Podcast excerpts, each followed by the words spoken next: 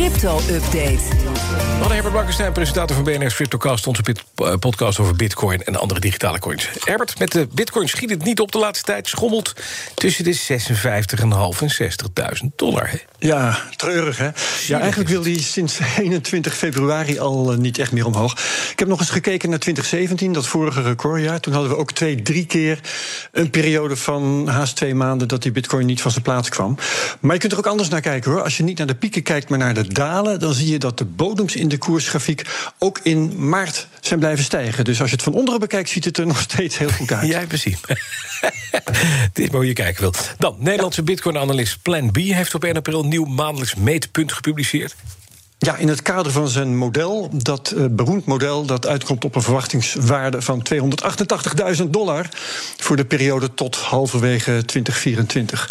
Ehm, dat model dat wordt nu trouwens ook door de bank BNY Mellon serieus genomen. Die hebben daar een rapportje over gepubliceerd. Maar goed, als je elke maand een stipje zet in zo'n grafiek, dan verdwijnt een hoop ruis. En dat doet Plan B dus. Dan zie je dat we nu al zes maandelijkse stijgingen van tientallen procenten achter elkaar hebben gehad.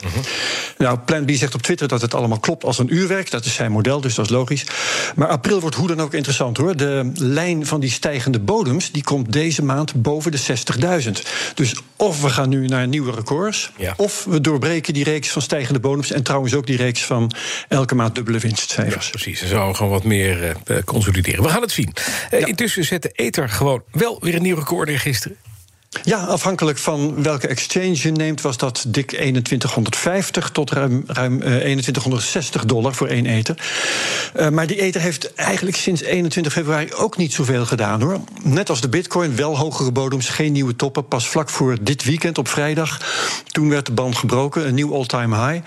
En dat was direct nadat investeerder Mark Cuban in een podcast had gezegd dat hij redelijk wat ether heeft, omdat hij dat veel meer een valuta vindt dan bitcoin. En wel omdat de ether gebruikt wordt om contracten af te wikkelen. Dat was zijn reden. Oké, en dat record van gisteren viel samen met positieve uitspraken... in de publiciteit van de Mooch. De moed, ja, Anthony Scaramucci. Precies. Hij was een blauwe maandag perschef van het Witte Huis onder Trump. Wat hebben we gelachen om die man. Ehm, hij is al een tijdje terug. En hij is nu de grote man van Skybridge Capital. En dat is een fonds dat al 600 miljoen aan bitcoin in beheer heeft. En hij doet ook uitspraken die leuk zijn voor de ether. Het kwam erop neer dat de focus op bitcoin van Skybridge niet zijn focus is. Want ook hij vindt ether interessanter. Maar ja, klanten vragen nu eenmaal om bitcoin... en misschien dat hij ze in de toekomst beter kan opvoeden, zei The Mooch. Het zal je maar gezegd worden als klant. Maar het is een leuke steun in de rug voor de ether. Ja, precies. En het is typisch Scaramucci dat hij zegt... Ja. ja, maar klanten begrijpen me niet, maar is niet erg. Ten slotte, de privacy-app Signal gaat cryptobetalingen mogelijk maken. Jazeker. Signal is het alternatief voor WhatsApp, zoals je weet, met nog betere Ja. privacy. Het is heel geschikt voor mensen met een hekel aan Facebook. Ja, Of die, eh, Mark Zuckerberg, Mark Zuckerberg zit er zelf op, bijvoorbeeld, hè? Mark Zuckerberg zit er zelf, Zelf op Signal, ja. ook, ja. Ja, heel verstandig van die man. Ze testen nu die cryptobetalingen bij Signal onder Android- en iPhone-gebruikers in het Verenigd Koninkrijk. En dat gaat niet met Bitcoin, maar dat gaat met MobileCoin. En dat is een coin die speciaal is ontwikkeld voor mobiel. Die doet bijvoorbeeld geen groot beroep op het geheugen.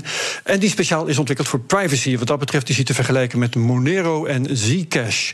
En de baas van Signal, die heet Moxie Marlin Spike, die is zelf betrokken bij de ontwikkeling van MobileCoin. Dat ding is eh, eigenlijk nog heel pril, wordt nog maar op een paar exchanges verhandeld. Sinds december. En op het nieuws van Signal is hij vertienvoudigd in prijs. In een paar dagen. Ehm, maar privacycoins doen het niet goed bij de regulerende autoriteiten. Dus dat wordt nog een eh, interessante krachtmeting misschien in de toekomst. Hoe kom je dan naar Moxie Marlin Spike? Het is niet zijn echte naam. Het Nee, is een fantasienaam, maar hij wenst niet anders te worden Nee, aangesproken. het is een beetje als je Wouter Bloemkoolmees zou heten... terwijl je eigenlijk Wouter Koolmees heet. Dat zit er in de Cryptocast morgen. Het onderwerp is mining en energie.